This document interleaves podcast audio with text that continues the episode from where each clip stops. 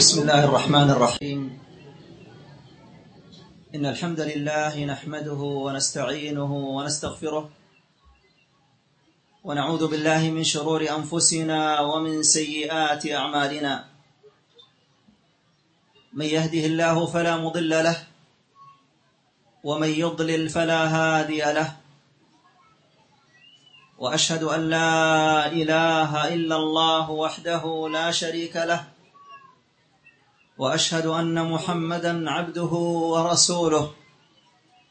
أرسله الله شاهدا ومبشرا ونذيرا. وداعيا إلى الله بإذنه وسراجا منيرا. فبلغ الرسالة وأدى الأمانة ونصح الأمة. وتركنا على مثل البيضاء ليلها كنهارها لا يزيغ عنها إلا هالك. فصلوات ربي وسلامه عليه وعلى آله وصحبه أجمعين ومن سار على نهجه واستنى بسنته إلى يوم الدين وسلم تسليما كثيرا. أما بعد إخوتي وأخواتي في الله أحييكم بتحية الإسلام. فالسلام عليكم ورحمة الله وبركاته. وأسأل الله تبارك وتعالى بأسمائه الحسنى وصفاته العلى أن يؤتينا وإياكم ما وعدنا على لسان رسوله صلى الله عليه وسلم. من قوله ومن سلك طريقا يلتمس فيه علما سهل الله له به طريقا إلى الجنة. فأسأل الله أن يكتب خطواتكم حسنات وأن يجعلها مقربة إلى رضوانه والجنة. أسأله أن يؤتينا وإياكم ما وعد على لسان رسوله صلى الله عليه وسلم في قوله وما اجتمع قوم في بيت من بيوت الله يتلون كتاب الله ويتدارسونه بينهم إلا نزلت عليهم السكينة. وغشيتهم الرحمه وحفتهم الملائكه وذكرهم الله في من عنده نعم Para ikhwan sekalian dan akhwat yang Allah Pertama-tama beliau mengucapkan segala macam bentuk puji-pujian kepada Allah Subhanahu wa taala. Kemudian tentunya setelah itu salawat kepada Rasulullah wasallam.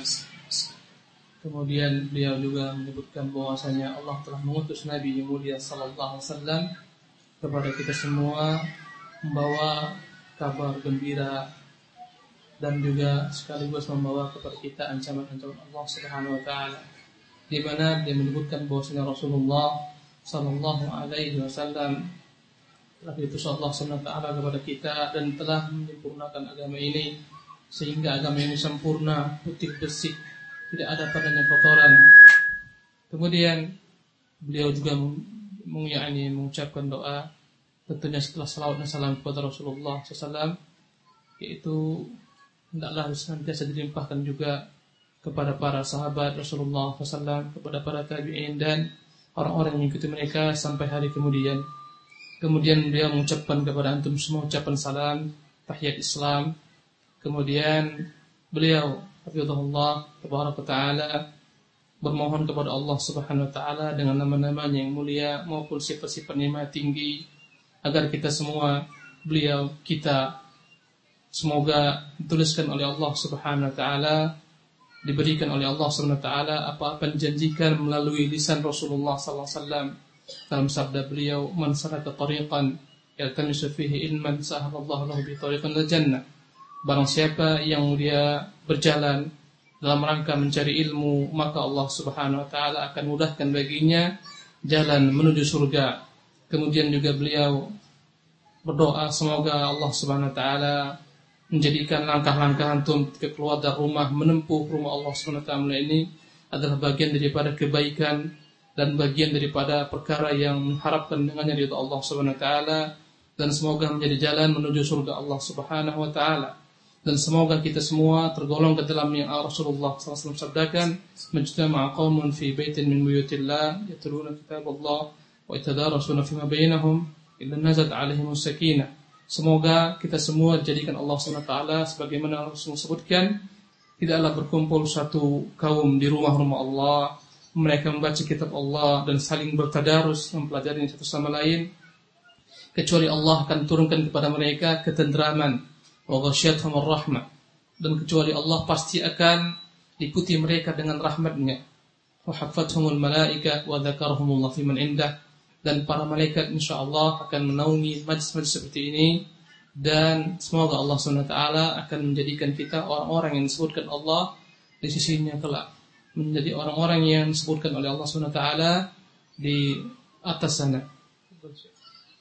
As'alullah tabaraka wa ta'ala أن يرزقني وإياكم ألسنة صادقة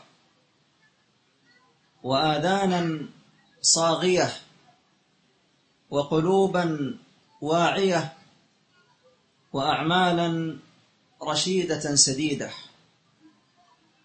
أيها الأحبة إن أعظم نعم الله تبارك وتعالى على الإنسان أن يهديه الصراط المستقيم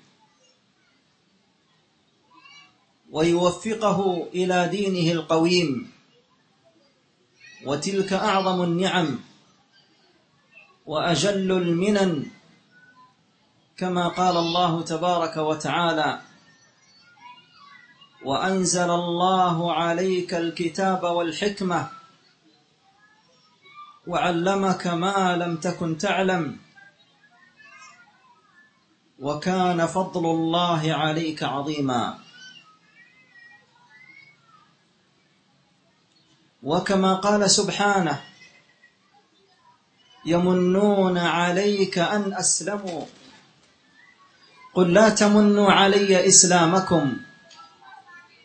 بل الله يمن عليكم أن هداكم للإيمان إن كنتم صادقين فلله المنة والفضل والإنعام على عباده بهدايتهم للإسلام Kemudian para ikhwan dan akhwat sekalian, semoga Allah Subhanahu wa taala menjadikan kita dan memberikan kepada kita lisan yang jujur, lidah yang jujur. Allah berikan kepada kita telinga-telinga yang mau mendengar kepada kebaikan dan semoga Allah SWT senantiasa menjadikan hati kita adalah hati-hati yang senantiasa paham mengikuti kebenaran. Kemudian semoga Allah menjadikan amal kita adalah amalan-amalan yang benar-benar terbimbing di atas agama yang mulia ini. Kemudian beliau mengingatkan kepada kita semua para ikhwan dan akhwat bahwasanya nikmat terbesar yang Allah Subhanahu wa taala berikan kepada manusia bahwasanya Allah memberikan kepada mereka hidayah. Telah memberikan kepada kita hidayah pada Islam menunjukkan kepada kita jalan yang lurus. Dan Allah Subhanahu wa taala tentunya telah memberikan nikmat ini kepada kita semua nikmat agama yang lurus sebagaimana Allah telah menyebutkan wa anzalallahu alaikal kitab wal hikmah. Dan sungguhnya Allah telah menurunkan kepada Muhammad Alkitab yaitu Quran wal hikmah. Dan menurunkan kepada engkau Muhammad hikmah. Wa 'allamaka ma lam takun ta'lam.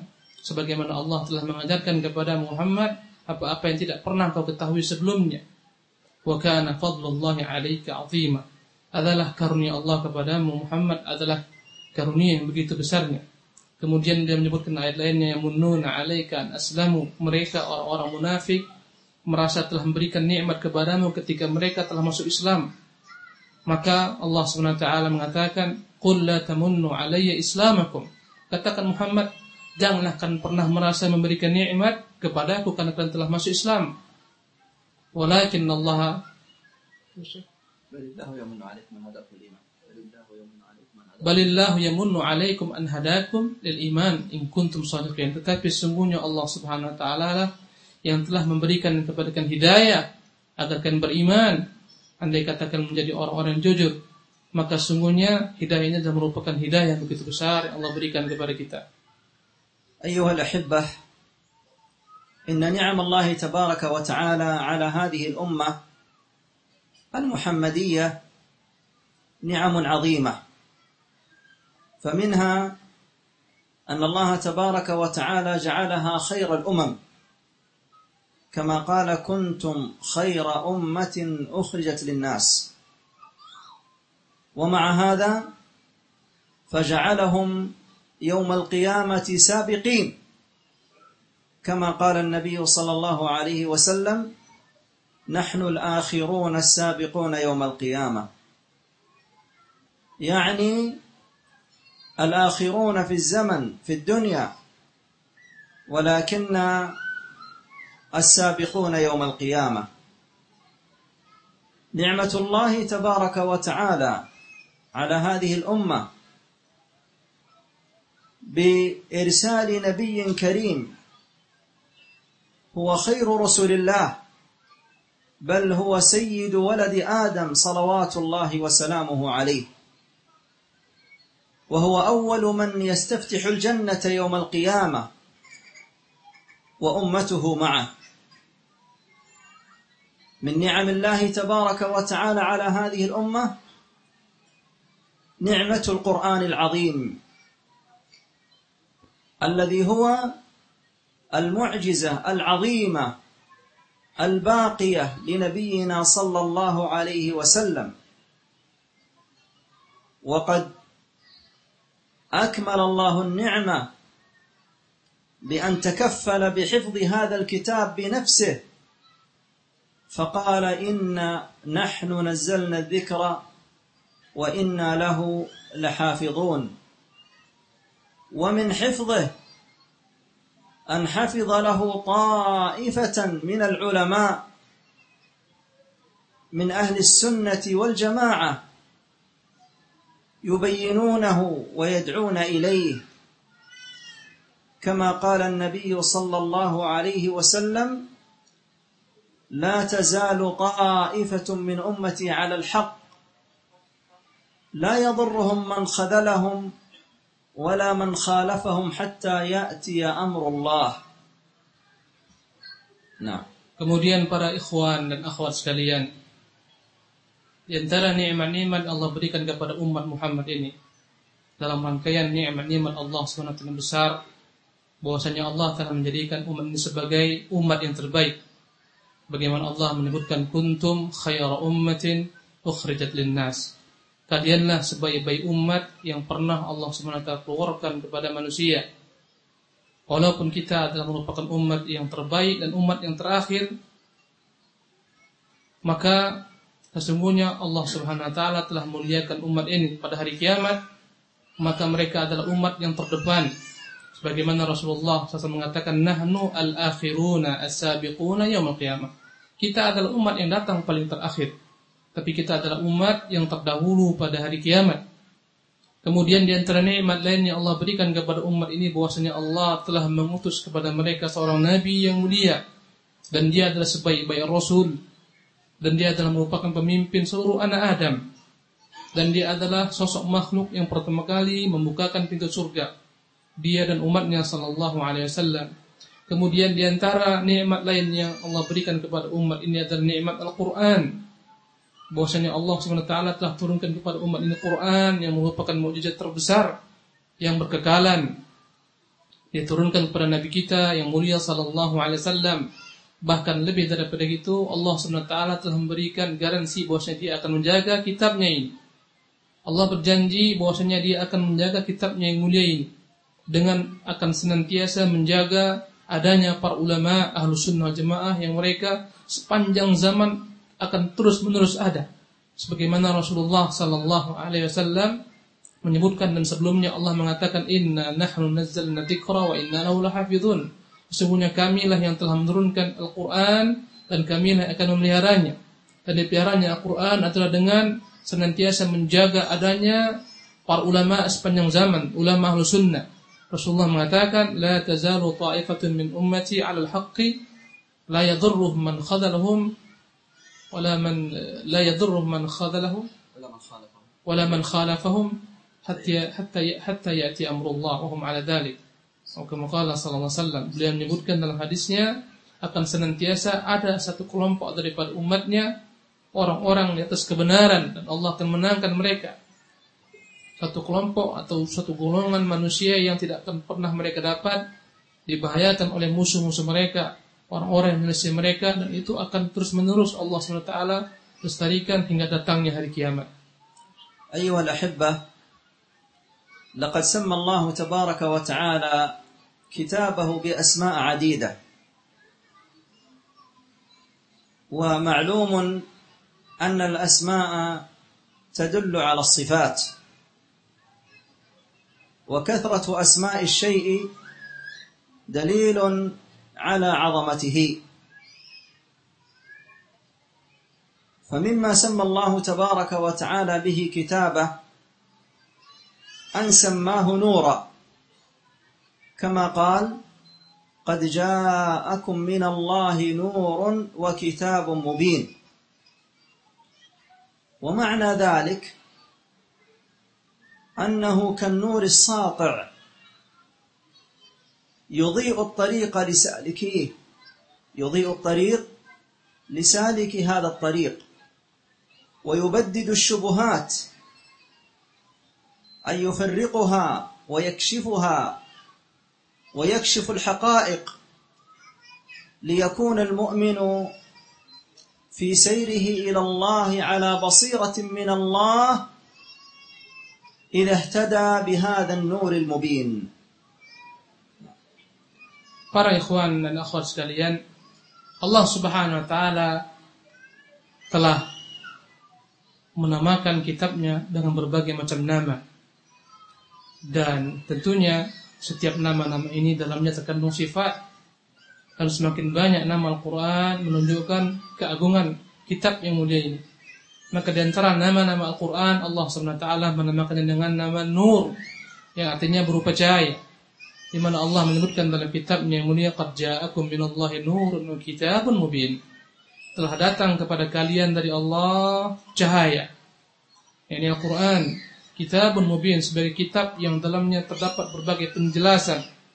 Maka makna cahaya bahwasanya Allah menjadikan Quran laksana cahaya yang menerangi jalan bagi orang-orang yang menempuh perjalanan. Yang laksana cahaya yang menunjuki orang-orang ketika dalam perjalanan. Maka Quran adalah merupakan lentera cahaya yang akan menerangi manusia, menghapuskan berbagai macam syubhat, menghilangkan berbagai macam bentuk perkara-perkara syubhat dan dia akan menyingkap hakikat daripada segala perkara. كذلك أيضا سماه الله تبارك وتعالى بلاغا. فقال هذا بلاغ للناس. هذا بلاغ للناس. والمعنى أنه إيصال الحق إليهم وقيام للحجة عليهم. ولهذا قال الله تبارك وتعالى وأوحي إلي هذا القرآن لأنذركم به ومن بلغ أي من بلغه القرآن. أنذركم أيها المخاطبون وأنذر من بلغه القرآن. ولهذا قال النبي صلى الله عليه وسلم والذي نفسي بيده لا يسمع بأحد يهودي ولا نصراني ثم لا يؤمن بالذي أرسلت به إلا دخل النار. والذي نفسي بيده لا يسمع بأحد يهودي ولا نصراني ثم لا يؤمن به إلا دخل النار. كذلك سماه الله تبارك وتعالى بيانا وتبيانا. فقال ونزلنا عليك الكتاب تبيانا لكل شيء. والمعنى بيانه لكل ما يحتاجون إليه في أمر دينهم. كل ما يحتاجون إليه في أمر دينهم. بل وبعموم توجيهاته عموم توجيهاته أقول وأمر دنياهم أيضا. لأنه يوجهنا توجيهات عامة. ينتفع الإنسان بها حتى في أمر دنياه. وأذكر هنا طرفة. أن بعض المتكلفين أراد أن يحرج عالما من علماء المسلمين. فقال له تقولون إن كتابكم تبيان لكل شيء. فأخبرني بالقرآن عن كيس الدقيق هذا. كم كيلو فيه؟ أخبرني بالقرآن. فقال العالم طيب. فاتصل بالخباز. وقال كم كيلو في هذا الكيس؟ فقال كذا وكذا فأخبره. فقال أنا سألتك لتخبرني بالقرآن. قال إن القرآن هو الذي أرشدنا فقال فاسألوا أهل الذكر إن كنتم لا تعلمون.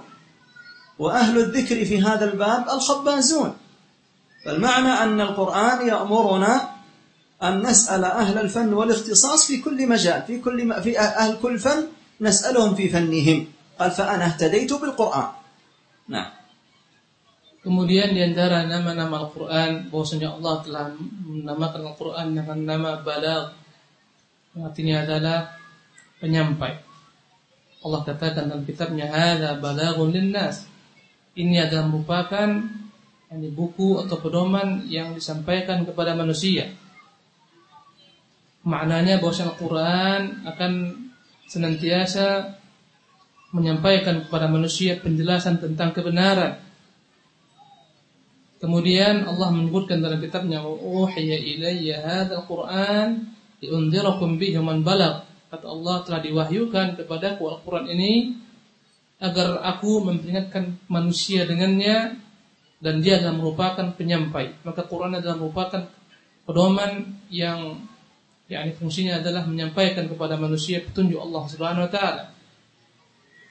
Berkata Rasulullah SAW, Walladhi nafsi biyadihi dan demi dia yang mana jiwa jiwaku ada tangannya kata Rasulullah SAW la yasma'u bi ahadun. Tidaklah ada mendengar tentangku seorang pun baik seorang Yahudi maupun Nasrani kemudian tidak beriman denganku dan mati kecuali dia pasti akan masuk neraka. Menunjukkan Rasulullah SAW diutus Allah untuk menyampaikan kepada manusia hujjah penjelasan. Kemudian nama lain yang Allah menyebutkan Quran adalah dengan nama bayanan wa tibyanan yang artinya adalah petunjuk, penjelas yang menjelaskan segala perkara. Allah katakan dalam kitabnya nazzalna 'alaikal kitaba tibyanan likulli syai'. Sesungguhnya kami telah menurunkan kepada Muhammad kitab ini penjelas untuk segala sesuatu. Maknanya bahwasanya Al-Qur'an memuat segala macam perkara dibutuhkan oleh manusia. Berbagai macam bentuk pedoman yang membimbing manusia baik dalam perkara agama mereka bahkan mencakup perkara-perkara dunia mereka. Maka Al-Quran adalah merupakan pedoman yang menjelaskan semua perkara baik perkara dunia maupun perkara agama manusia. Dan dia, yakni beliau Allah menyebutkan ada seseorang pernah bertanya kepada salah seorang ulama dan dia berkata wahai orang alim engkau menyebutkan bahwasanya Quran ini adalah merupakan tibyan dan penjelas untuk segala sesuatu Apakah segala sesuatu dalam kitab ini ada dijelaskan? Dia katakan ya, semua ada dalam kitab yang mulia ini. Kalau begitu, tunjukkan kepadaku dalam Al-Quran mana ayat menunjukkan berapa isi karung yang ada di situ. Berapa isi karung? Maka beliau mengatakan sebentar. Kemudian dia telepon yakni penjual karung yang biasanya digunakan untuk mengisi gandum untuk buat roti. Berapa jumlah karung ini? Maka dijawab, ini jumlahnya sekian kilo. Dia katakan, jumlah karung ini sekian kilo. Maka dia berkata, engkau mengatakan Quran menjelaskan segala sesuatu. Kenapa kau harus bertanya kepadanya? Dia katakan, ya. Al-Quran menjelaskan segala sesuatu. Dan aku bertanya kepadanya karena Quran menjelaskan demikian. Karena Allah mengatakan, Fas'alu ahla dzikri in kuntum la ta'lamun. Tanyakan kepada para ulama. Andai kata mereka, andai kata kalian tidak mengetahui dan ulama dalam perkara ini adalah mereka ahli fibrah, mereka mengetahui perkara ini. Maka itu menjelaskan dengan ayat Al-Qur'an Al-Karim. كذلك سماه الله تبارك وتعالى شفاء. سماه الله شفاء. فقال تعالى وننزل من القرآن ما هو شفاء ورحمة للمؤمنين. ومعنى هذا أنه شفاء من أمراض القلوب والأبدان إذ أنه يبدد الشبهات ويشفي القلوب من أمراضها من أمراض الكفر والنفاق والشك والريبة. بل إن به حياة القلوب. كما قال الله تبارك وتعالى أو من كان ميتا فأحييناه وجعلنا له نورا يمشي به في الناس. كمن مثله في الظلمات ليس بخارج منها؟ فقال أو من كان ميتا فأحييناه؟ يعني ميتا بالكفر فأحييناه بالإيمان والقرآن. وفيه أيضا شفاء الأبدان من أمراضها وأسقامها. فيقرى به ويرقى على المسحور فيشفى. كما شفى الله تبارك وتعالى نبيه بالإخلاء بالمعوذتين. وعلى المعين المحسود فيشفى. وعلى اللديغ فيشفى. وغير ذلك من الأمراض فهو شفاء كما سماه الله تبارك وتعالى. ولاحظوا أيها الأحبة أن الله تبارك وتعالى ما سماه دواء لأن الدواء يمكن يكون فيه نفع ويمكن ما يكون لكن الله تعالى سماه مباشرة شفاء فأثره لا بد أن يكون بإذن الله تبارك وتعالى نعم Kemudian para ikhwan dan akhwat sekalian, di antara nama Quran adalah Allah menyebutkannya dengan nama syifa, yang artinya kesembuhan. Allah sebutkan dalam kitabnya, "Wa nunazzilu minal Qur'ani ma huwa syifaa'un wa rahmatun lil mu'minin." Dan telah kami turunkan daripada Quran ini apa-apa yang menjadi penyembuh dan rahmat bagi orang-orang beriman. Maka Al-Quran Allah sebut dengan nama syifa yang artinya penyembuh. Penyembuh daripada berbagai macam bentuk penyakit, penyakit hati Penyakit hati berupa kekufuran, kemunafikan, keraguan-raguan. Maka Quran menyembuhkan manusia daripada penyakit hati, bahkan menghidupkan hati manusia. Sebagaimana Allah menyebutkan, "Afaman kana mayitan fa ahyayna wa ja'alna lahu nuran yamshi bihi fil nas, kaman mathalu fi dhulumati laysa bi kharjin minha." Allah menyebutkan, apakah sama antara seorang yang mati, maksudnya dalam kekufuran, fa ahyayna, kami hidupkan dia, Waja'alna lahu nuran kami jadikan bagi cahaya yang bihi finnas dengan cahaya ini dia berjalan di antara manusia. Sama perumpamannya dengan seorang yang dalam kekufuran kegelapan yang tidak pernah keluar daripadanya, maka Quran adalah merupakan penyembuh yang menyembuhkan berbagai penyakit hati dan menghidupkannya. Bahkan bukan hanya sekedar penyembuh hati, lebih daripada itu Quran adalah merupakan penyembuh penyakit fisik badan manusia. Maka Quran jika dibacakan, diruqyah, akan menyembuhkan berbagai macam penyakit manusia, penyakit fisik. Bahkan Quran dapat menyembuhkan orang-orang yang terkena sihir. Sebagaimana Rasulullah SAW pernah disihir dan Allah SWT menyembuhkannya dengan membaca surat Al-Ikhlas Mu'adatain. Quran adalah penyembuh bagi orang-orang yang terkena penyakit ain, yakni penyakit pandangan mata manusia yang dapat mencelakakan. Juga Al-Quran menyembuhkan manusia daripada berbagai macam bentuk sengatan, binatang berbisa. Karena itulah Allah menyebutkan dengan kata-kata syifa, penyembuh bukan dawa, bukan obat. Karena obat ya belum tentu obat itu bermanfaat bagi bagi orang yang sakit tapi syifa mengandung pengertian bahwa Quran yang merupakan penyembuh. Karena obat belum tentu seorang dengan sembuh tapi syifa penyembuh menunjukkan orang akan sembuh dengan كذلك أيها الأحبة سمى الله تبارك وتعالى كتابه هدى فقال هذا هدى وقال ذلك الكتاب ولا ريب فيه هدى للمتقين وهدايته دلالته للخير وبيانه له. وهدايته أيها الأحبة هداية لأقوم السبيل أقوم سبيل وخير طريق يوصل إلى رضوان الله والجنة.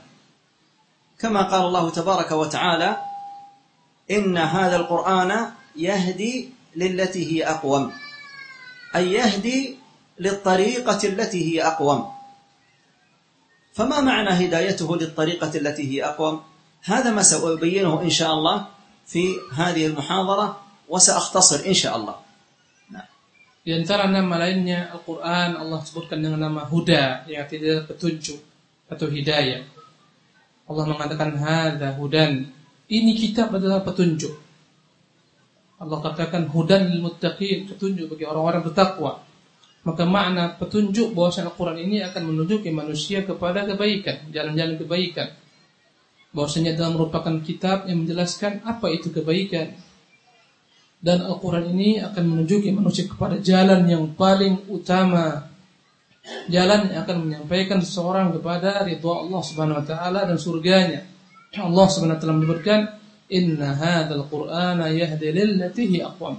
Sungguhnya Al-Quran ini adalah merupakan yakni petunjuk yang akan menunjuki manusia kepada jalan yang terbaik dan inilah topik insyaallah malam hari ini akan kita angkat dan beliau berupaya akan meringkas dan insya Allah Subhanahu wa taala قول الله تبارك وتعالى إن هذا القرآن يهدي للتي هي أقوم يعني يهدي للطريقة التي هي أقوم أقوم الطرق وأحسن الطرق هي ما يهدي إليه القرآن هذه الآية لما ذكرها الشيخ الشنقيطي رحمه الله في أضواء البيان قال لو أتينا على هداية القرآن للتي هي أقوم؟ لأتينا على كل آيات القرآن. على كل آيات القرآن. فأيها الأحبة هداية القرآن التي هي أقوم في كل شيء. في بيان العقيدة والدعوة إليها وتقريرها. تقرير العقيدة بيانها وتأكيدها. في بيان الدعوة إلى الله عز وجل منهجا. يعني كيف تكون؟ وغاية إيش المقصود بها؟ ما المقصود بها؟ وأسلوبا كيف تكون بأي لسان بأي طريقة؟ هداية القرآن التي هي أقوم في بيان الشريعة. الأوامر والنواهي. تحليلا وتحريما. هداية القرآن للتي هي أقوم في بيان منهج السير إلى الله تبارك وتعالى. السير إلى الله تبارك وتعالى بين الترغيب والترهيب. بين الترغيب وهو الحث والوعد الحسن للمطيعين والترهيب وهو التخويف وإنذار العصاة. الهداية التي هي أقوم في بيان حقوق الولايات والراعي والرعية يعني من ولاه الله ولاية. حقوق الراعي والرعية. سواء كانت تلك الولايات ولاية حاكم ومحكوم أو زوج وزوجة أو أبناء وبنات. هداية القرآن التي هي أقوم في مجال تهذيب الأخلاق والسلوك هداية القرآن التي هي أقوم في باب التعامل مع غير المسلمين. وسأشير إلى هذا بإذن الله إشارات موجزة مختصرة والحر تكفيه الإشارة. ويكفي ويكفي ولعل قليل العبارة أو قليل الإشارة يكفي عن كثير العبارة. واللبيب بالإشارة يفهم وأنتم ألباء طيب. Kemudian beliau menyebutkan bahwasanya yakni Syekh Syangkiti Muhammad bin Amin Syangkiti menyebutkan dalam kitabnya Adwa Al-Bayan ketika menjelaskan ayat yang mulia ini inna hadzal qur'an yahdillati aqwam bahwasanya Al-Qur'an adalah merupakan pedoman yang menjelaskan manusia semua jalan terbaik. Ini menunjukkan bahwasanya apa pun yang disebutkan dalam Al-Qur'an Al-Karim adalah yang terbaik bagi manusia. Maka Al-Quran di dalamnya memuat segala macam bentuk kebaikan yang terbaik. Baik dalam perkara akidah. Bagaimana akidah yang terbaik, akidah yang paling utama, Bagaimana dalam berdakwah mengajak manusia kepada akidah yang mulia ini. Bagaimana menjelaskan kedudukan akidah, menetapkan akidah ini di hadapan manusia. Kemudian Al-Quran juga dalamnya memuat bagaimana berdakwah. Bagaimana metode dalam berdakwah. Apa tujuan dalam berdakwah? Apa maksud seorang ketika dia berdakwah? Maka dimuat dalam Al-Quran Al-Karim dengan cara yang terbaik. Dah bahkan Al-Quran juga dalamnya penjelasan tentang syariat yang mulia ini. Bagaimana Al-Quran menjelaskan syariat ini baik berupa perintah-perintah Allah akan memuat perintah-perintah Allah yang dalamnya berbagai macam bentuk kebaikan, larangan-larangan Allah, perkara-perkara yang dihalalkan oleh Allah, perkara-perkara yang diharamkan oleh Allah Subhanahu wa taala. Dan dalam Al-Quran juga memuat yakni bagaimana jalan yang terbaik menuju Allah Subhanahu wa taala, menggapai ridha Allah Subhanahu wa taala dengan memuat berbagai macam perkara-perkara yang membuat manusia tertarik, tergib kepada agama yang mulia ini. Berbagai macam bentuk balasan-balasan ganjaran ganjaran pahala dan seterusnya. Kemudian memuat terhib bahwasanya Al-Qur'an datang dengan cara yang terbaik membuat manusia takut dengan azab Allah Subhanahu wa taala, hukuman Allah Subhanahu wa taala bagi orang-orang yang menentang Allah Subhanahu wa taala. Kemudian Al-Qur'an juga memuat berbagai macam perkara berkaitan dengan pemimpin, penguasa, bagaimana penguasa dalam Islam, bagaimana rakyat dalam Islam, apa kewajiban penguasa, apa kewajiban rakyat, apa hak penguasa, hak rakyat. Dan hal ini bukan hanya terbatas pada yakni wilayah terbesar dalam bentuk pemerintah bahkan kepada wilayah yang terkecil sekalipun di bawahnya. Bagaimana Al-Qur'an menjelaskan tentang hak-hak seorang penguasa dan rakyat, menjelaskan tentang hak yakni suami dan hak istri, kewajiban keduanya, hak anak, hak orang tua, kewajiban keduanya. Ini semua dimuat dalam Al-Qur'an. Kemudian Al-Quran dalamnya terkandung berbagai macam pedoman bagaimana manusia memiliki akhlak yang mulia, budi pekerti yang baik. Kemudian lebih daripada itu Quran pun menjelaskan kepada manusia bagaimana bermuamalat dengan orang-orang non-Islam, orang-orang di luar Islam dan insya Allah beliau akan meringkas dengan berbagai macam bentuk yakni perkara-perkara yang mengarahkan kepada pembahasan ini walaupun dalam bentuk yani ringkasan insyaallah antum adalah orang-orang yang akan dapat dengan mudah mencernanya insyaallah. قبل بيان هذه الأمثلة قبل بيان هذه الأمثلة أيها الأحبة أقول ما هي أسباب الاهتداء بالقرآن كيف نهتدي بالقرآن ما الذي يعيننا على أن نهتدي بكتاب الله تبارك وتعالى فأقول إن هناك سببان عظيمان إذا يسر الله لك هذين السببين فهمت كلام الله تبارك وتعالى واهتديت بكتابه. الأول العلم والثاني التقوى. العلم ولذا قال الله تبارك وتعالى بل هو آيات بينات أي واضحات. في صدور الذين أوتوا أوت العلم. فما المراد بالعلم؟ العلم بماهية هذا القرآن. يعني ما هذا القرآن؟ أن تعلم أن هذا القرآن كلام الله عز وجل. من الله؟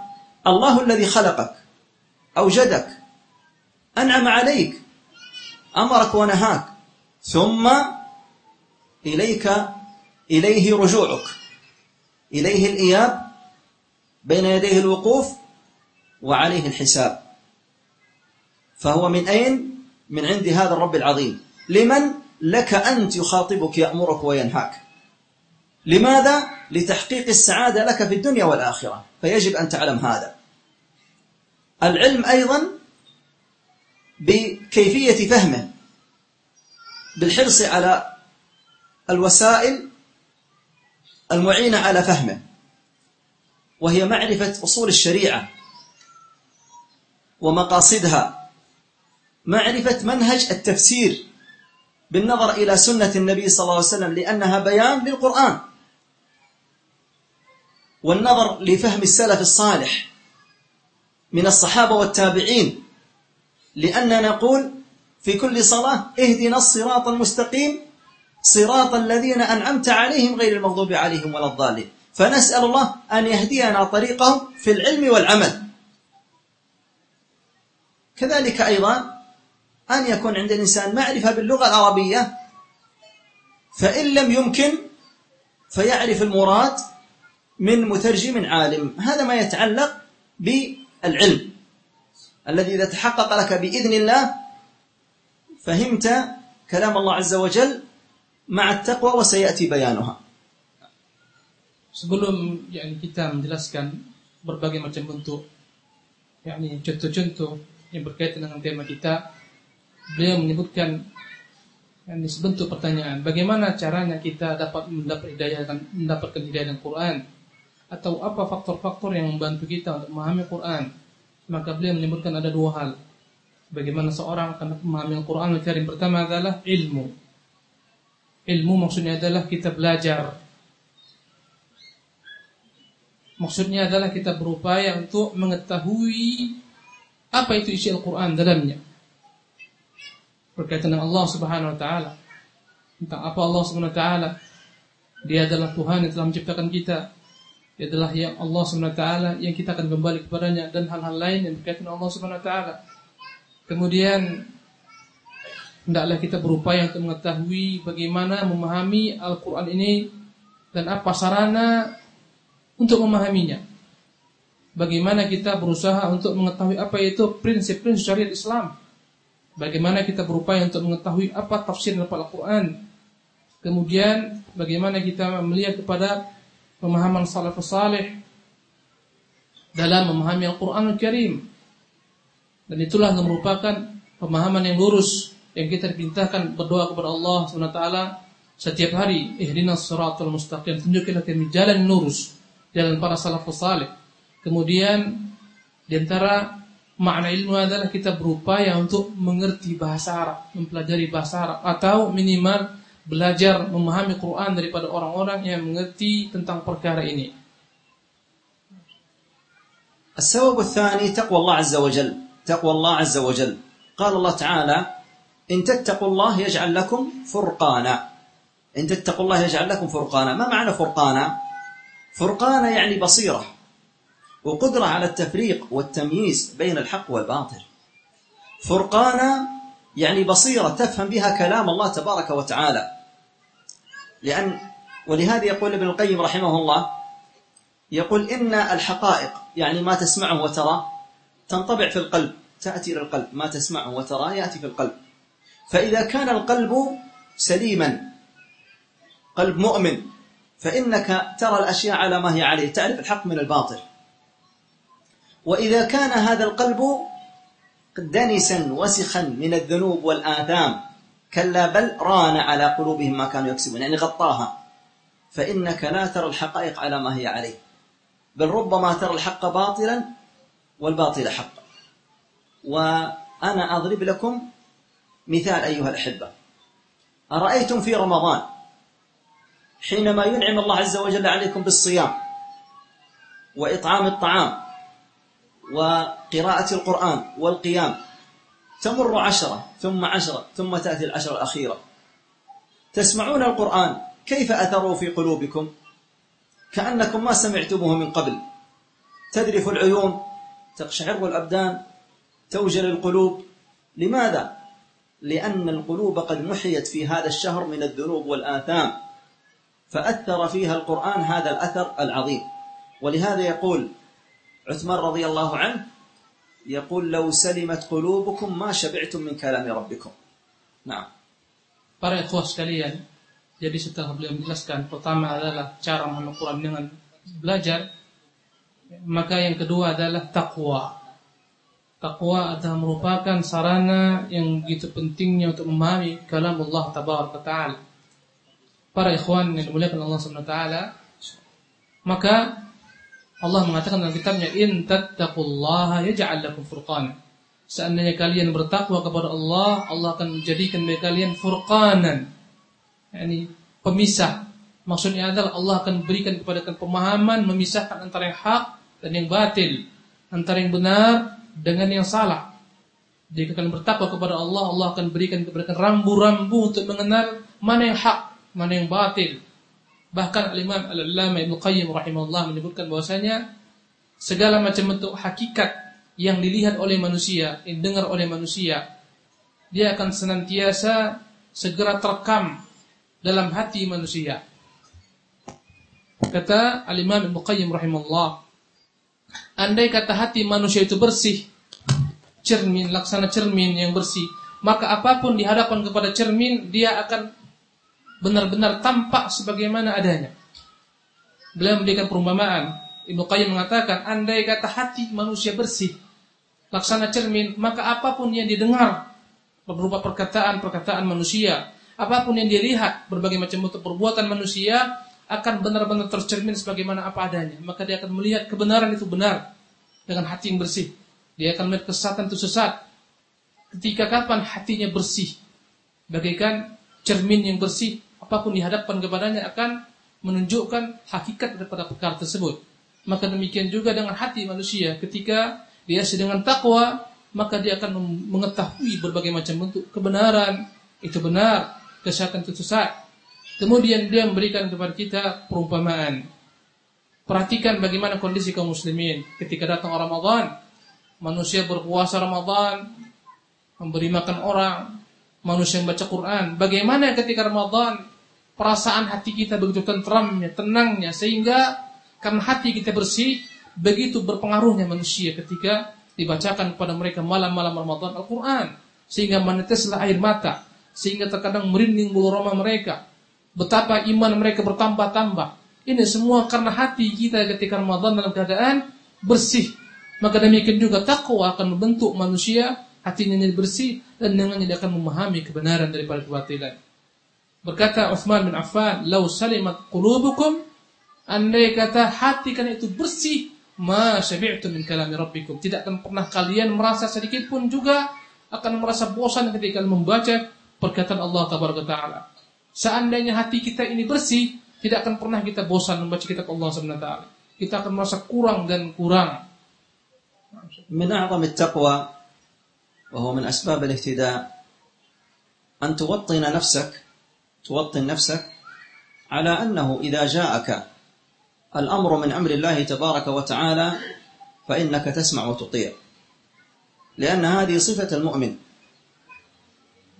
إنما كان قول المؤمنين إذا دعوا إلى الله ورسوله ليحكم بينهم أن يقولوا سمعنا وأطعنا. فلا تقدم رأيك أو هواك أو نحو ذلك على أمر الله تبارك وتعالى لأن الله تعالى أعلم بما يصلحك.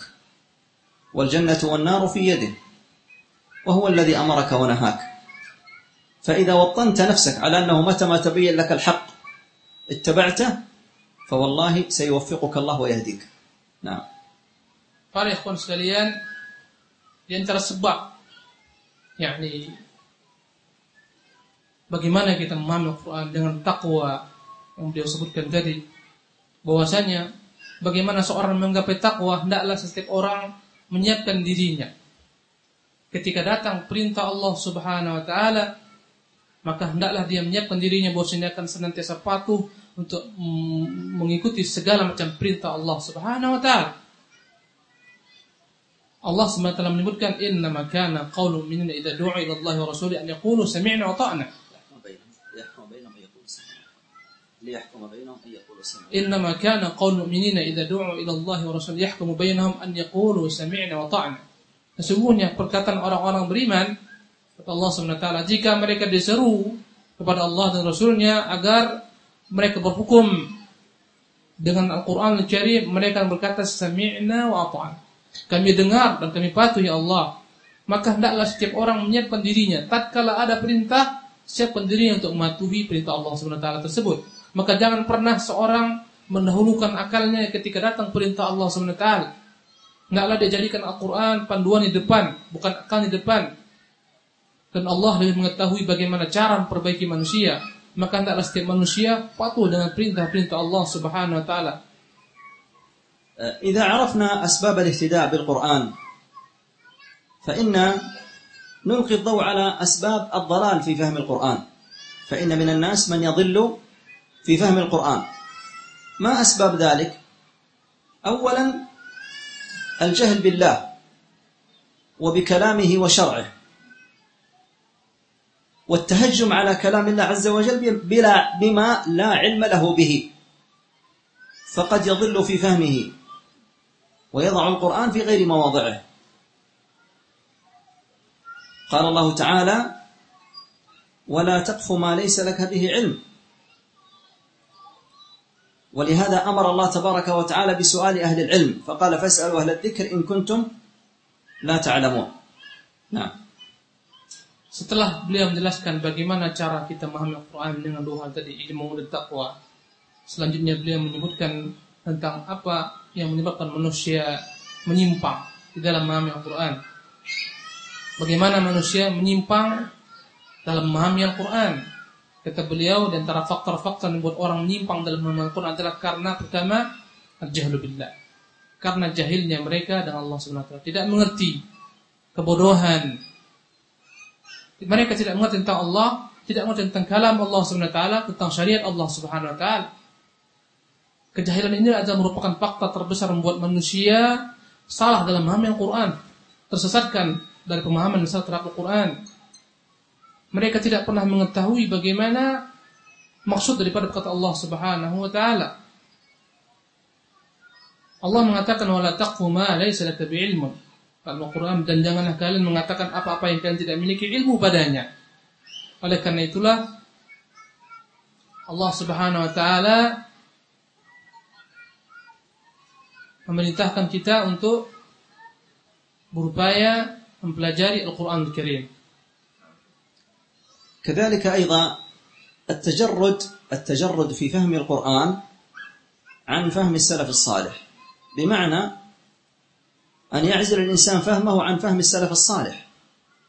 فينظر للقرآن هكذا بنفسه بدون أن ينظر إلى كيف فسر السلف الصالح هذا القرآن. فهذا من أسباب الضلال حينما لا ينظر إلى تفسير السلف الصالح. ولهذا الخوارج إنما ضلوا وهم يستدلون بآيات لأنهم ما فهموها كما على ضوء فهم السلف الصالح وكذلك تجد كثيرا من أهل الضلال يستدل بآيات لكنه يضعها في غير مواضعها لأنه لم ينظر إلى فهم السلف الصالح رحمهم الله Adapun faktor berikutnya yang membuat orang menyimpang dalam Al-Quran adalah mereka tidak merujuk kepada penafsiran daripada salafus salih.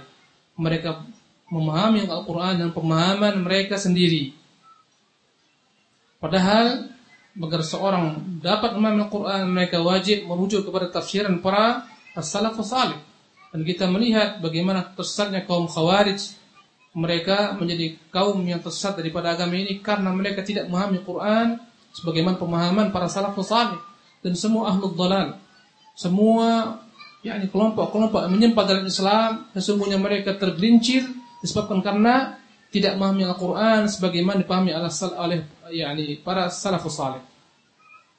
كذلك أيضا من مما يصرف الإنسان عن فهم القرآن الذنوب والمعاصي قال الله تعالى كلا بل ران على قلوبهم ما كانوا يكسبون يعني غطى عليها وقال تعالى وقولهم قلوبنا غلف يعني ما نفهم قال الله تعالى بل طبع الله عليها بكفرهم فلا يؤمنون إلا قليلا طبع الله عليها ختم عليها بسبب كفرهم فلا يؤمنون إلا قليلا ولهذا قال فلما زاغوا أزاغ الله قلوبهم فالذنوب والمعاصي من أسباب عدم فهم القرآن وعدم الاهتداء بالقرآن وعدم الانتفاع بالقرآن نعم Adapun faktor berikutnya yang membuat orang menyimpang dalam Al-Quran adalah karena banyaknya dosa-dosa yang mereka lakukan, yang mereka perbuat.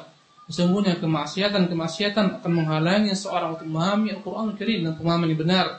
Allah menyebutkan kalla bal rana ala qulubihim ma kanu yaksibun. Kata Allah Subhanahu wa taala, Sekali kalau tidak, sungguhnya hati mereka itu telah berkarat disebabkan apa-apa yang mereka perbuat. Dan Allah mengatakan tentang ahli kita wa qaulihim qulubuna wa qaulihim qulubuna gulfun. Mereka berkata hati kami telah tertutup. Kata Allah, bal taba Allah 'alaiha bikufrihim. Sebenarnya Allah telah mematri mati hati mereka karena kekufuran mereka. Ini menunjukkan hal ini membuat mereka terhalang daripada memahami ayat Allah Subhanahu wa taala. Kata Allah, "Falamma azaghu azaghallahu qulubahum." Tatkala mereka itu melenceng, melincir, Allah sesatkan mereka. كذلك أيضا العناد العناد وعدم الانقياد فإن الله تبارك وتعالى ذكر عن الكفار أنهم قالوا مهما تأتنا به من آية لتسحرنا لتسحرنا بها فما نحن لك بمؤمنين. قالوا مهما تأتنا به من آية لتسحرنا بها فما نحن لك بمؤمنين.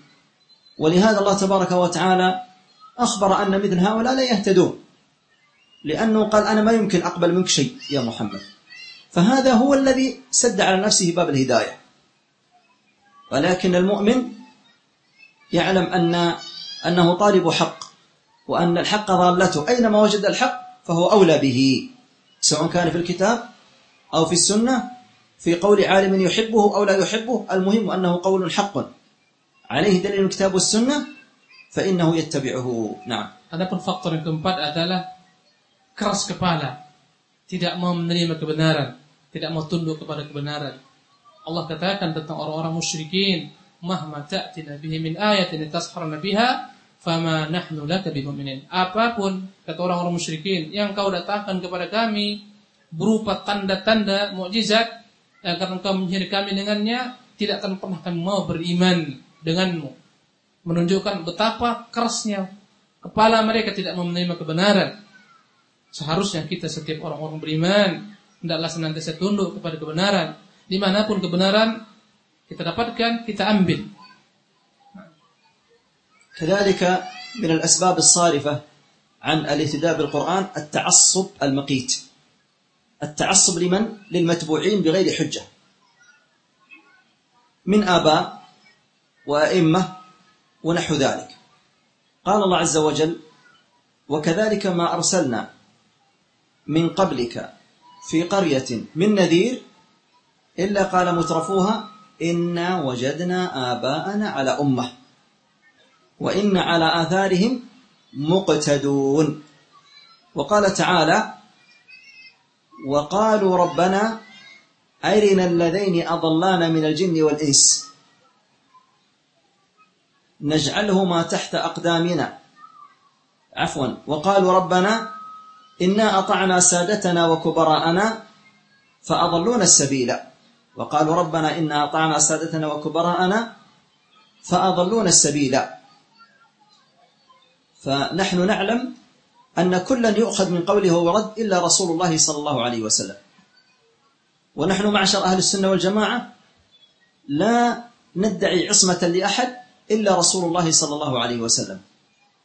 نحترم العلماء ونقدرهم ونجلهم ونحترم آباءنا نقدرهم ونجلهم لكن ديننا ودين آبائنا ودين علمائنا ما في كتاب الله وسنة رسوله صلى الله عليه وسلم Kemudian faktor berikutnya membuat manusia menyimpang dalam Al-Quran adalah karena faktor ta'asub atau fanatik buta. Baik fanatik kepada para orang-orang terdahulu mereka, para ulama, fanatik kepada nenek moyang mereka, para pemimpin-pemimpin mereka. Bagaimana Allah menyebutkan dalam Al-Quran, وَكَذَلِكَ مَا أَرْسَلْنَا مِنْ قَبْلِكَ وَكَذَلِكَ مَا أَرْسَلْنَا وَكَذَلِكَ مَا أَرْسَلْنَا مِنْ قَبْلِكَ فِي قَرْيَةٍ مِنْ نَذِيرٍ إِلَّا قَالَ مُتْرَفُوهَا إِنَّ وَجَدْنَا آبَاءَنَا على الأمة وإن على آثارهم مهتدون. مقتدون. وإن على آثارهم مقتدون. Kata Allah. Dan demikianlah. Tidaklah pernah kami mengirim yakni kepada orang-orang sebelum Muhammad. Pada suatu umat seorang rasul yang menyampaikan kepada mereka berita-berita peringatan kecuali berkatalah para pembesar-pembesar daripada umat tersebut sesungguhnya kami telah mendapatkan nenek moyang kami dari suatu cara pada suatu cara pada suatu cara beragama dan semuanya kami hanyalah mengikuti nenek moyang kami sebagaimana Allah mengatakan inna ta'na sadatana wa kubara'ana fa'adalluna sabila. Bagaimana Allah akan menggelincirkan manusia ke dalam neraka karena mereka fanatik kepada nenek moyang mereka. Mereka berkata pada hari kiamat, sesungguhnya kami mematuhi sadatana, para pemimpin-pemimpin kami, kubaraan, orang-orang besar kami, fa'adalluna sabila. Dan akhirnya mereka menyesatkan kami, fanatik buta. Agama kita mengajarkan bahwa kita menerima perkataan manusia dan boleh pula menolaknya kecuali Rasulullah SAW. Kita menghormati para ulama, kita mengagungkan para orang tua orang tua kita, nenek moyang kita, nenek moyang kita yang terdahulu. Tetapi agama kita mengajarkan kepada kita bahwa yang wajib kita ikuti adalah perkataan Rabb kita, kalamullah tabaraka ta'ala. أيها الأحبة أذكر الآن نماذج نماذج من هداية القرآن التي هي أقوم أولا في باب العقيدة باستقراء آيات القرآن والنظر فيها نجد أن القرآن يقرر العقيدة يقرر التوحيد في ثلاثة أبواب. في توحيد الربوبية وتوحيد الإلهية وتوحيد الأسماء والصفات.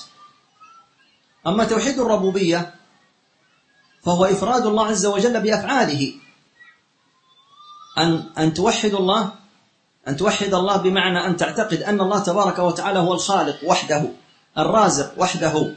المحيي المميت وحده النافع الضار وحده.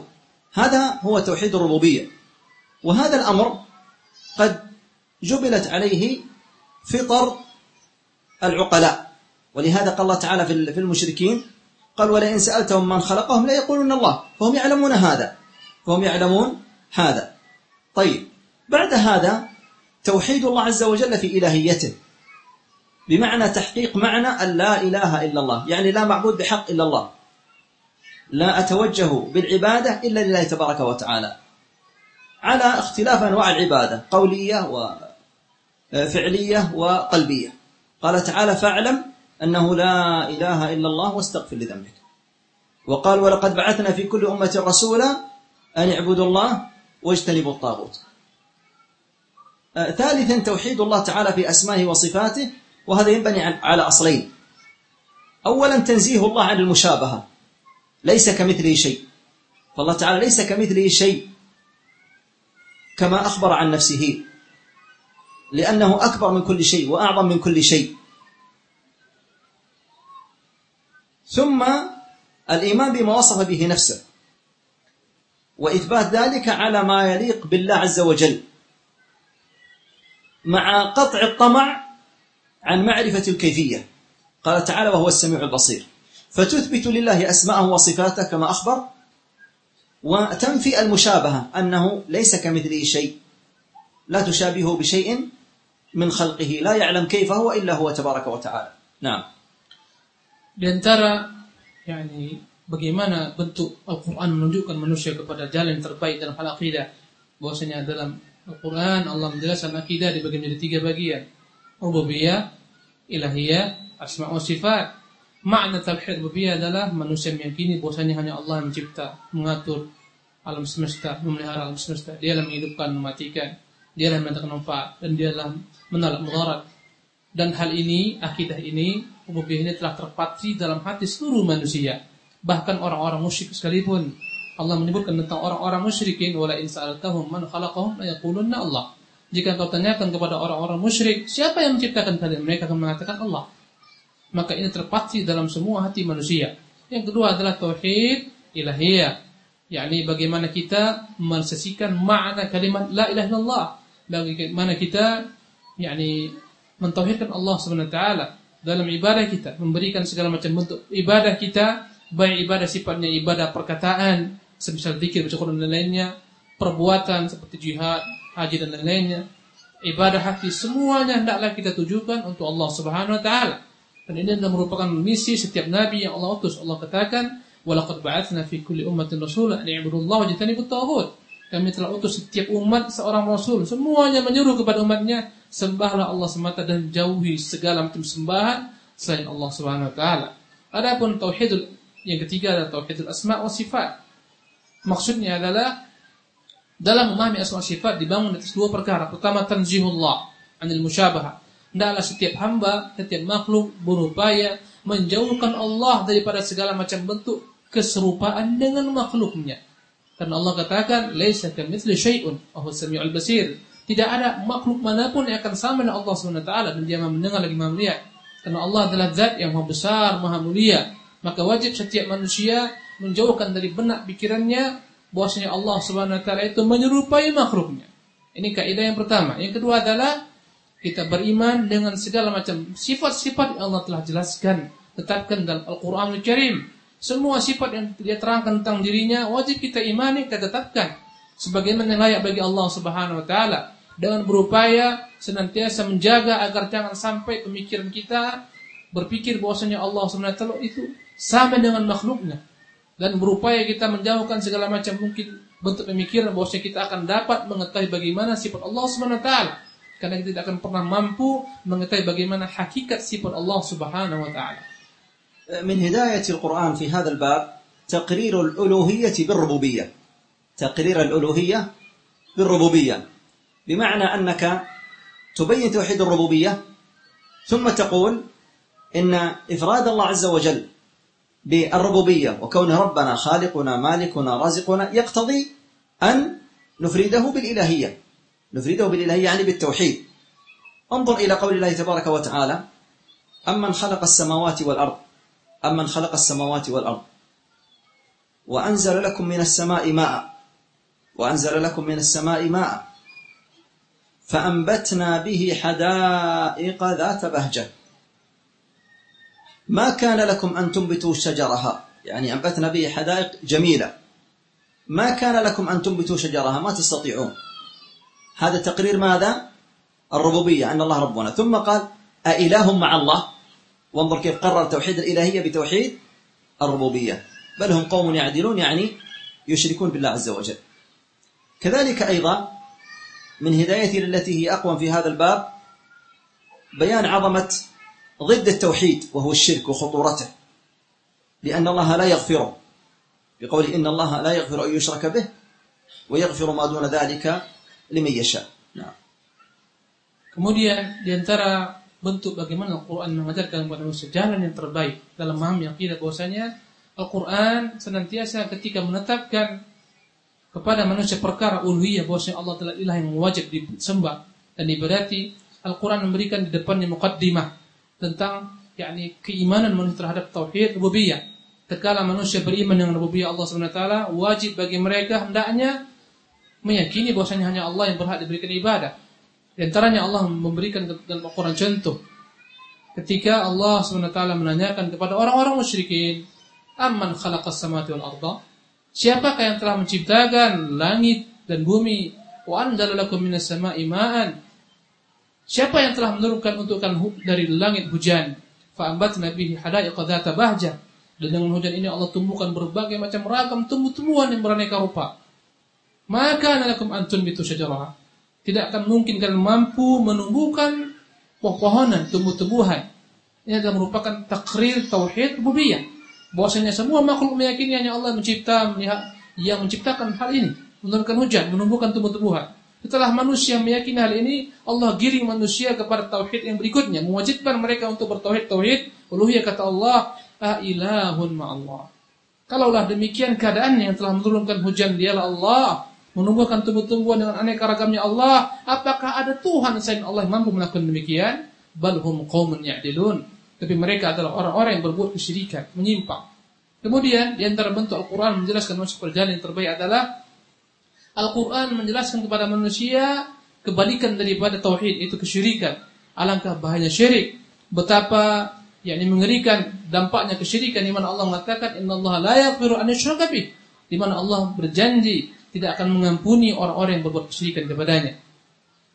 من هداية القرآن التي هي أقوم في باب الدعوة إلى الله عز وجل يبين القرآن مقصودها مقصود الدعوة ومنهج الدعوة وأسلوب وطريقة الدعوة. في مقصودها يدل يبين أن المقصود منها دعوة العباد إلى الله وإلى توحيده. قال تعالى وما أرسلنا من قبلك من رسول إلا نوحي إليه أنه لا إله إلا أنا فاعبدون. هذا مقصودها. منهجها ادعو إلى سبيل ربك بالحكمة والموعظة الحسنة. حكمة وضع كل شيء في موضعه ومحادثة, ومحادثة كل إنسان بما يليق به. والموعظة الحسنة وجادلهم بالتي أحسن. أسلوبها فبما رحمة من الله لنت لهم.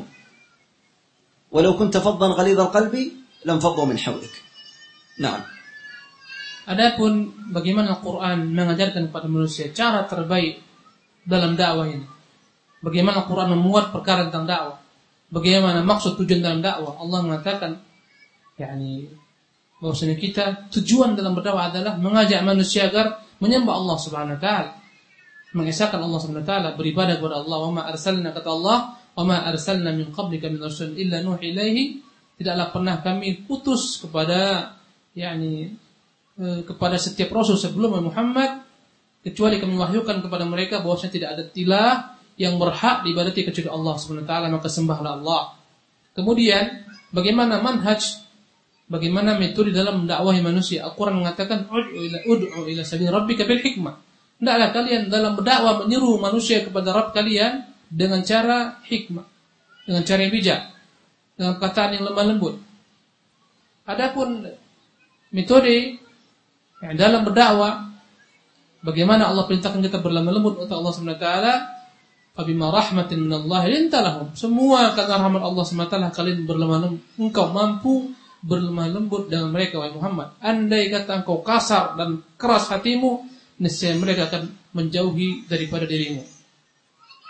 أما هداية القرآن التي هي أقوم في باب الشريعة فإن الله تبارك وتعالى أخبر بحل الطيبات وتحريم الخبائث يقول تبارك وتعالى يسألونك ماذا أحل لهم؟ قل أحل لكم الطيبات. وقال تعالى يحل لهم الطيبات ويحرم عليهم الخبائث. كذلك يفصل لهم في أمر الشريعة في البيع والشراء والنكاح وسائر المعاملات. كذلك أيضا هداية القرآن التي هي أقوم في بيان منهج السير إلى الله عز وجل. السير إلى الله عز وجل بين الترغيب والترهيب. أن يسير الإنسان إلى الله عز وجل وهو يرجو رحمته ويخاف عذابه حتى يسير باعتدال. قال تعالى نبئ عبادي أني أنا الغفور الرحيم وأن عذابي هو العذاب الأليم. وقال تعالى أفأمنوا مكر الله؟ فلا يأمن مكر الله إلا القوم الخاسرون. وقال إنه لا يأس من روح الله إلا القوم الكافرون. فيسير الإنسان وهو يستحضر آيات الرحمة. نبئ عبادي أني أنا الغفور الرحيم. قل يا عبادي الذين أسرفوا على أنفسهم لا تقنطوا من رحمة الله. فلا يقنط من رحمة الله. ولكنه في المقابل يخاف من الله عز وجل حتى ينزجر عن الذنوب والمعاصي. ولا يأمن عقوبة الله وعذاب الله عز وجل. Di antara yakni penjelasan Al-Qur'an Al-Karim dalam perkara syariah bagaimana Al-Quran menunjukkan manusia perjalanan terbaik bahwasanya Allah Subhanahu wa taala memberitakan kepada kita dalam Al-Qur'an bahwasanya Allah telah halalkan kepada kita segala macam perkara-perkara yang baik-baik. Allah berkata dalam Al-Qur'an Karim, "Yas'alunaka madza uhilla Mereka bertanya kepada Muhammad, apa yang Allah halalkan untuk mereka? Maka Allah menyebutkan bahwasanya qul uhilla lahum at-tayyibat. Sesungguhnya telah dihalalkan untuk mereka semua yang baik-baik. Semua perkara-perkara kebaikan Allah halalkan. Berupa makanan, pakaian seterusnya. Dan Allah mengharamkan semua perkara-perkara jelek. Kata Allah SWT, Yuhillahu tayyibat wa yuharrimu alim khaba'id. Allah menghalalkan untuk mereka segala kebaikan. Dan Allah haramkan untuk mereka segala macam bentuk kejelekan. Dalam perkara syariat, bagaimana Al-Quran menjelaskan manusia adab dalam berbagai macam bentuk perkara-perkara muamalat bagaimana dalam berjual beli, bagaimana dalam menikah dan seterusnya. Adapun dalam bab yakni bagaimana kita berjalan menuju Allah Subhanahu wa taala. Maka Al-Qur'an mengajarkan manusia agar senantiasa jalan di antara dua perkara. Antara targhib dan tarhib, antara yakni harap kepada Allah Subhanahu wa taala dan cemas. Maka bagaimana seorang dapat yakni sampai kepada jalan Allah Subhanahu wa taala hendaklah dia berjalan dengan yakni senantiasa memadukan antara targhib keadaan senantiasa berharap dengan rahmat Allah SWT membuat manusia senantiasa mengharapkan rahmat Allah SWT dan tidak pernah putus saja daripada rahmat Allah SWT kemudian haruslah dia iringi dengan perasaan takut dan cemas dengan dosa-dosanya. Jangan-jangan Allah SWT akan membinasakannya. Dan Al-Quran telah banyak dalam yakni perkara ini bagaimana Allah SWT menjelaskan hendaklah senantiasa manusia berjalan antara perasaan harap dan cemas. Allah katakan, Nabi ibadi anni anul ghafur rahim. Beritahukan Muhammad kepada hamba-hambaku, aku adalah Tuhan yang maha pengampun lagi maha penyayang. Akan menumbuhkan kepada manusia rasa harap kepada Allah. Tapi kata Allah, wa anna adabi wal adabul alim. Tetapi sesungguhnya adabku adalah adab yang pedih. Ketika manusia membaca ayat pertama, akan muncul kepada rasa harap. Allah maha pengampun lagi maha penyayang. Ketika dia mendengar ujung ayat, dia akan menjadi takut dengan dosa-dosanya. Karena Allah Maha berkuasa untuk mengazab manusia. Kata Allah, "Afa aminu makrallah?" Apakah manusia merasa aman daripada tipu dari Allah? Tidaklah merasa aman daripada tipu dari Allah kecuali orang-orang kafir. Kata Allah Subhanahu wa taala, Sesungguhnya tidaklah berputus asa daripada rahmat Allah kecuali orang-orang kafir. Maka ayat-ayat ini membuat manusia jalan di antara perkara harap dan takut. أما في باب حقوق الولايات فإن الله تبارك وتعالى يأمر الولاة بالحكم بالعدل والقيام بالمسؤولية على وجهها. فيقول تعالى إن الله يأمركم أن تؤدوا الأمانات إلى أهلها. إن الله يأمركم أن تؤدوا الأمانات إلى أهلها وإذا حكمتم بين الناس أن تحكموا بالعدل. ويقول إن الله يأمر بالعدل والإحسان. ويأمر الرعية بالسمع والطاعة في غير معصية الله. فيقول تبارك وتعالى يا أيها الذين آمنوا أطيعوا الله وأطيعوا الرسول وأولي الأمر منكم وأولي الأمر منكم وفي هذا صلاح أحوال العباد والبلاد أن يقوم الحاكم بواجبه وأن يقوم المحكوم بحق السمع والطاعة وذلك واجبه نعم Adapun bagaimana Al-Quran menjelaskan kepada manusia perkara yang berkaitan dengan masalah penguasa dan rakyatnya. Allah telah merintahkan para penguasa agar mereka berlaku adil. Agar senantiasa mereka berlaku adil kepada rakyatnya. Allah katakan, Inna Allah ya'murukum an tu'addul amanati ila ahliha. Sesungguhnya Allah memerintahkan kalian untuk menyampaikan amanah kepada pemiliknya. Wa idza hakamtum bainan nasi an tahkumu bil adl. Tatkala kalian berhukum di antara manusia hendaklah kalian berhukum dengan hukum yang adil. Maka Allah wajibkan para penguasa agar berhukum dengan hukum yang adil. Kata Allah, "Inna Allah ya'muru bil adl ihsan." Sesungguhnya Allah memerintahkan manusia senantiasa berbuat keadilan dan berbuat kebajikan. Adapun terhadap rakyatnya, Allah SWT wajibkan kepada rakyat agar mereka senantiasa patuh dan taat kepada penguasa-penguasa mereka. Allah katakan ya ayyuhalladzina amanu Allah wa atiiur rasula wal amri minkum. Wahai orang-orang beriman, patuhi Allah, patuhi Rasulnya dan para pemimpin kalian, penguasa kalian. Sesungguhnya mematuhi pemimpin akan mendatangkan berbagai macam bentuk kebaikan bagi bangsa dan bagi tanah air mereka. من هداية القرآن التي هي أقوم أن الله تبارك وتعالى في في باب الزوجية في باب الزوجية أن الله تبارك وتعالى يأمر كل من الزوجين بأداء بأداء حقوق الآخر. فيقول للرجال وعاشروهن بالمعروف. عاشروهن بالمعروف. ويقول وآتوا النساء صدقاتهن نحلة. ويقول فإن أطعنكم فلا تبغوا عليهن سبيلا. إذا أطعت زوجتك لا تجن عليها لا تظلمها اتق الله. ويقول في الجانب الآخر مبينا حقوق الرجال يقول الرجال قوامون على النساء. يعني لهم القوامة على النساء ولهم الأمر والنهي. لأنه كما يقال الغنم بالغرم بقدر ما غرم ودفع يغنم. فكما أنه هو الذي يدفع المهر وعليه النفقة والكسوة فإنه في المقابل يكون له المغنم في ماذا؟ في الأمر والنهي فهذا منهج عظيم فإن الله تبارك وتعالى يأمر كل من الزوجين بأداء حق الآخر Nah. Adapun Al-Quran menjelaskan kepada manusia konsep yang terbaik dalam masalah hubungan suami istri maka Allah telah mengajarkan kepada para suami agar mereka yakni berlaku baik terhadap istri-istri mereka kata Allah Subhanahu wa taala wa ashiruhunna bil ma'ruf. Hendaklah kalian mempergauli mereka istri-istri kalian dengan cara yang terbaik, dengan cara yang paling baik. Allah katakan wa atun nisaa sadaqatihinna nihla. Berikanlah kepada kaum wanita mahar mereka. Ya, sebagaimana yang kalian telah sepakati, berikanlah kepada mereka mahar-mahar mereka. Kata Allah Subhanahu wa taala, fa in ata'anakum fala tabghu alaihinna sabila. Kepada para suami, andai kata istri kalian telah tunduk dan patuh kepada kalian, maka janganlah kalian berusaha mencari-cari jalan untuk menzalimi mereka. Ini Allah SWT wajibkan kepada para suami. Adapun kepada para istri, Allah SWT juga telah menetapkan kepada mereka berbagai macam ajaran-ajaran mulia. Kata Allah SWT kepada kaum wanita, "Ar-rijalu qawwamuna 'alan nisa." Sesungguhnya lelaki adalah merupakan pemimpin bagi kaum wanita. Karena itulah Allah telah menjadikan dalam rumah tangga pimpinan itu ada pada kepemimpinan itu ada pada tangan pria. Mereka lah yang mengeluarkan perintah, mengeluarkan larangan, ya, sebagaimana biasanya dalam perkara ini. Ya, tatkala Islam mewajibkan kepada suami untuk menafkahi istrinya, memberi mahar dan seterusnya, maka wajib bagi istri untuk senantiasa patuh kepada suami dalam perkara-perkara yang ma'ruf. Min hidayatul Quran allati hiya aqwam fima yata'allaq bi بحقوق البنوة والأبوة.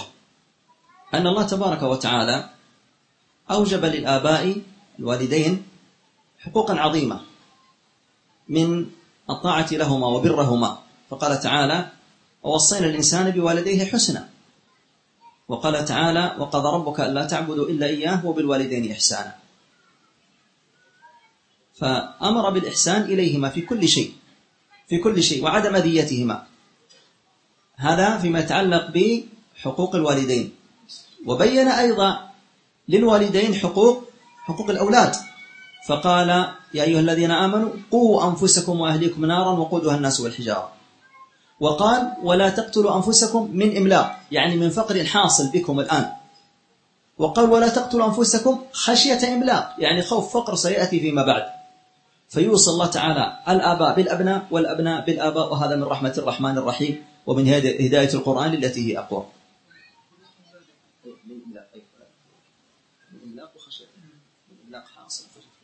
Kemudian bagaimana Al-Quran mengajarkan kepada manusia hak-hak dan kewajiban antara orang tua dan anak-anaknya. Allah telah mewajibkan kepada setiap anak agar berbakti kepada orang tuanya. Untuk senantiasa berupaya mengabdi berbakti kepada orang tuanya. Allah katakan dalam Al-Quran,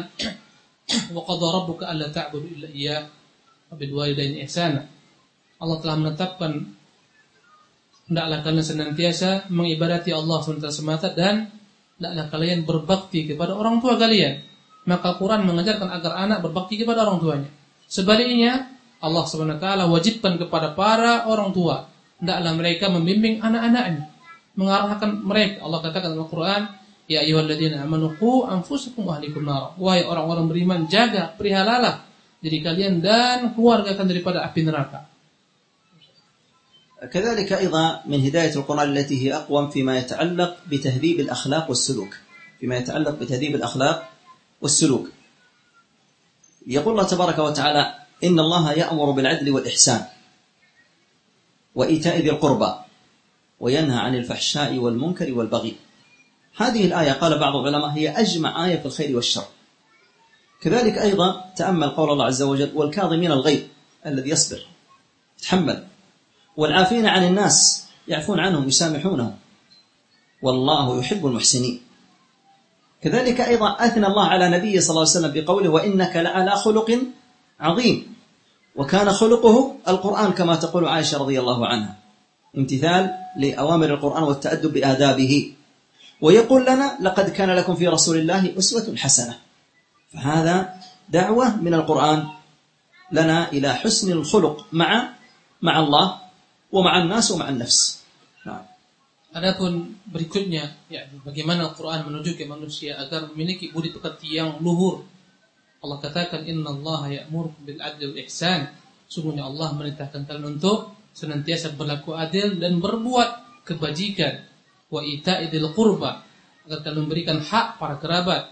Wa ita'idil, wa ita'idil qurba. Wa yanha anil fahsyai wal munkar. Dan Allah melarang kalian daripada segala macam bentuk perkara-perkara keji dan perkara-perkara mungkar dan ini merupakan ayat yang mengumpulkan segala macam bentuk kebaikan dan menjauhkan segala macam bentuk kejelekan.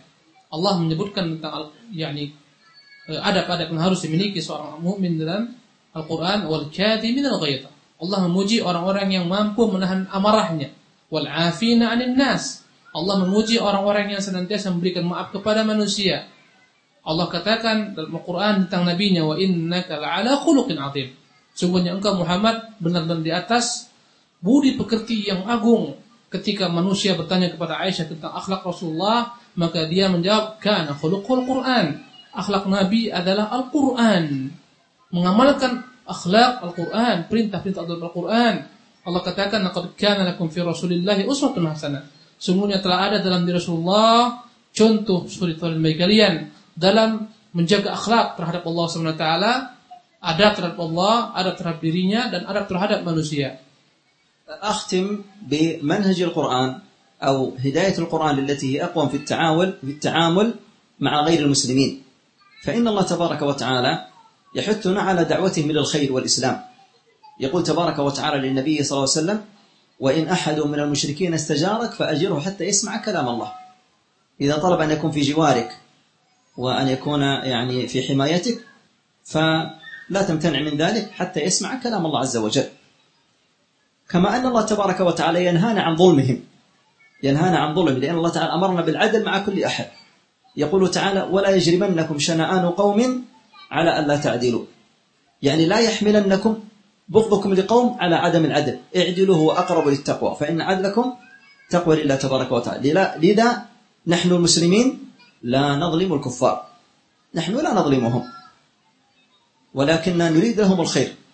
وندعوهم للإسلام. لعل الله تعالى أن ينقذهم بنا من النار. Adapun yang terakhir sebagai penutup pembahasan ini, bagaimana Al-Quran mengajarkan kepada kita dalam bermuamalah, bergaul dengan orang-orang kafir, bahwasanya Islam melarang kita untuk menzalimi orang-orang kafir.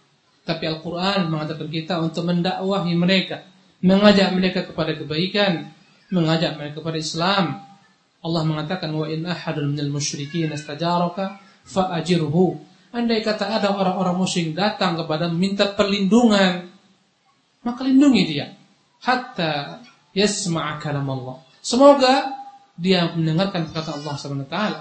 Ini menunjukkan bagaimana Allah merintahkan kita ketika ada orang musyrik minta perlindungan suaka kepada seorang.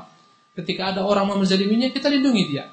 Dengan tujuan mendakwainya hatta yasma'a kalam Allah agar dia mau mendengarkan kata Allah Subhanahu taala dan dengannya dia menerima hidayah.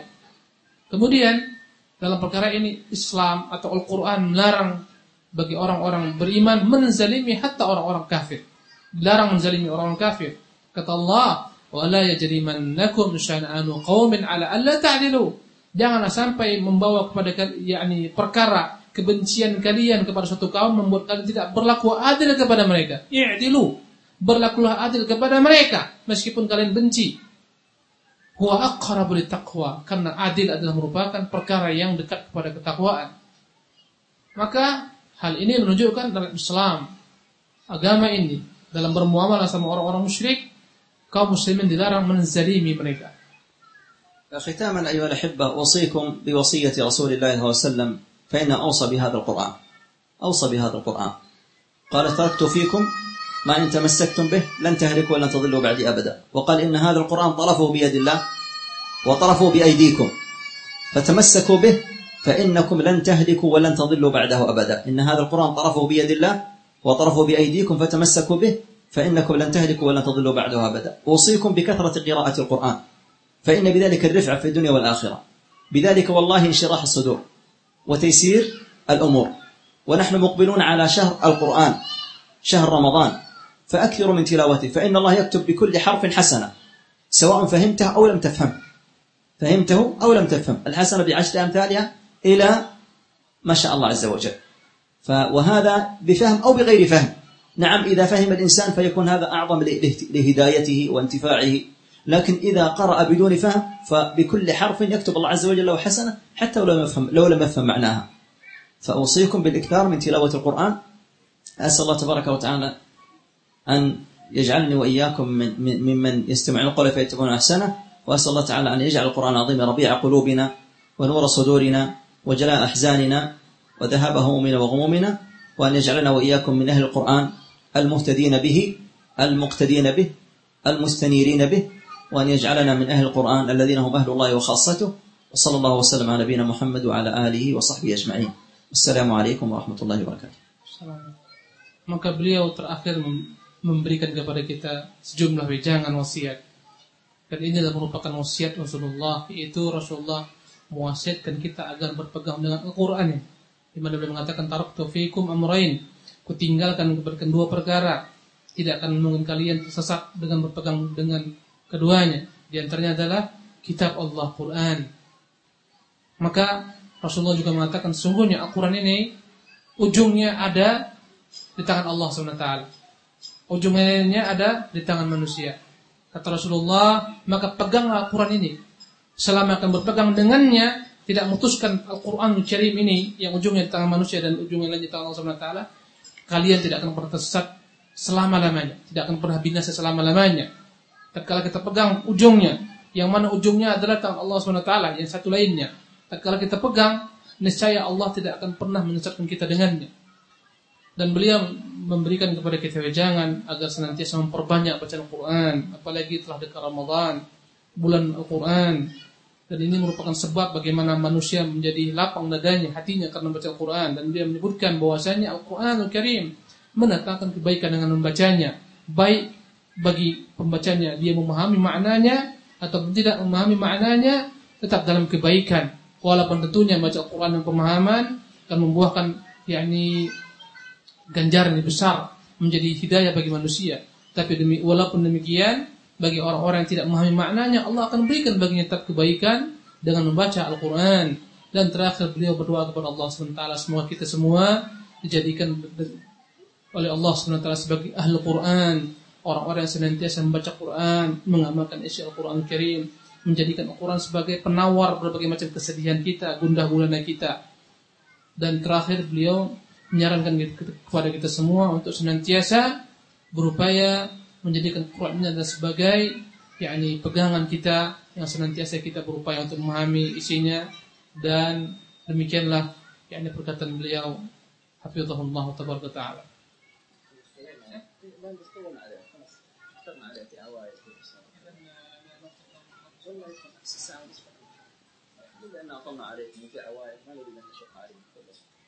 Jadi beliau pada ikatnya karena pembahasannya begitu panjang, beliau khawatir membuat antum semua yakni keberatan karena banyak sekali apa namanya mengambil waktu antum.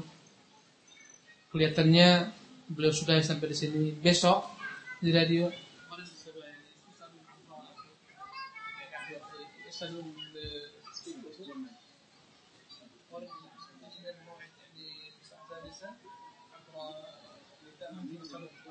Insya Allah besok beliau akan ceramah di radio jam 6. Jadi antum yang malam ini punya pertanyaan, buat.